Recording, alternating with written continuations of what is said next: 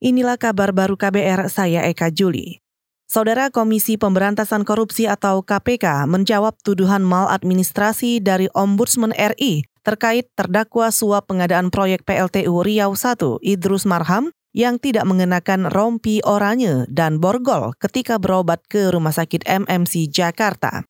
Juru bicara KPK Febri Diansah menjelaskan, Faktor keamanan menjadi alasan mengapa KPK melepas rompi tahanan dan borgol Idrus Marham di Rumah Sakit MMC.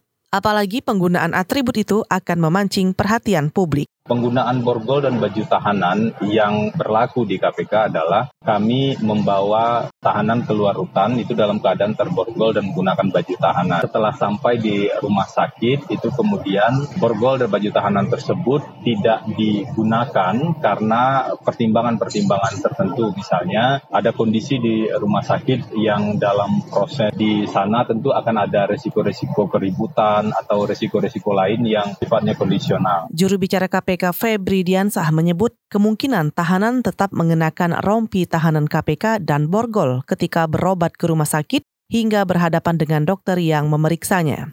KPK akan menggandeng kepolisian untuk turut mengawal dan menjaga tahanan ketika di luar rutan. Saudara Kementerian Energi dan Sumber Daya Mineral atau ESDM menyebut air menduduki peringkat pertama sebagai energi terbarukan yang paling berpotensi di Indonesia. Air juga dapat mengurangi emisi dan polusi.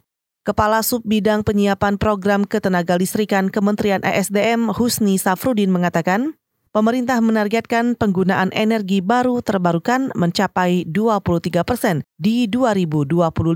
Berdasarkan potensi di seluruh Indonesia, harapan kita terbesar itu adalah di air untuk mencapai 23 persen. Kenapa? Karena air itu kan selalu tersedia, potensinya besar, dan apabila tidak dimanfaatkan hilang begitu saja. Lain dengan fosil. Fosil apabila tidak kita eksploitasi, dia tersimpan untuk anak cucu kita.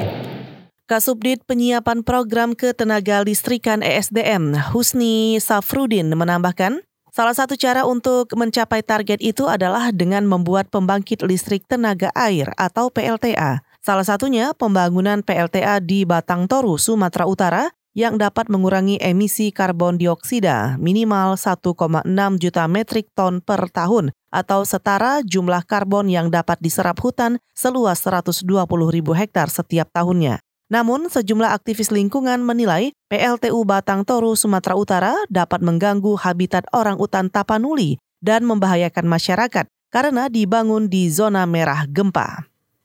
Saudara nilai tukar rupiah dan indeks harga saham gabungan atau IHSG menguat tipis terhadap dolar Amerika Selengkapnya kita simak laporan reporter KBR Reski Novianto dari Bursa Efek Indonesia Jakarta. Saudara, saat ini di Bursa Efek Indonesia, nilai tukar rupiah terhadap dolar Amerika Serikat menguat tipis pada pembukaan perdagangan pasar spot pagi ini, Kamis 4 Juli. Rupiah menguat 0,06 persen atau naik 8 poin menjadi 14.112 per dolar Amerika Serikat. Jika dibandingkan dengan posisi penutupan perdagangan Rabu kemarin 3 Juli, mata uang merah putih hanya sanggup berada di level 14.100 120 per dolar Amerika Serikat. Sementara itu, masih berdasarkan pantauan KBR, indeks harga saham gabungan atau IHSG pagi ini dibuka ikut menguat 0,12 persen atau naik 7,80 poin ke level 6.370 di awal perdagangan Kamis 4 Juli. Penguatan ini masih menjadi tren bagus bagi IHSG. Pasalnya, pada akhir perdagangan Rabu kemarin, IHSG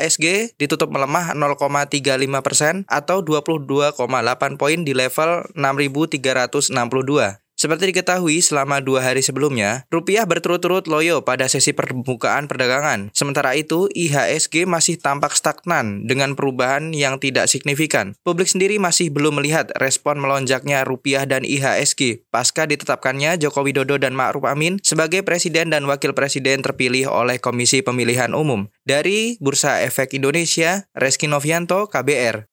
Saudara demikian kabar baru, saya Eka Juli.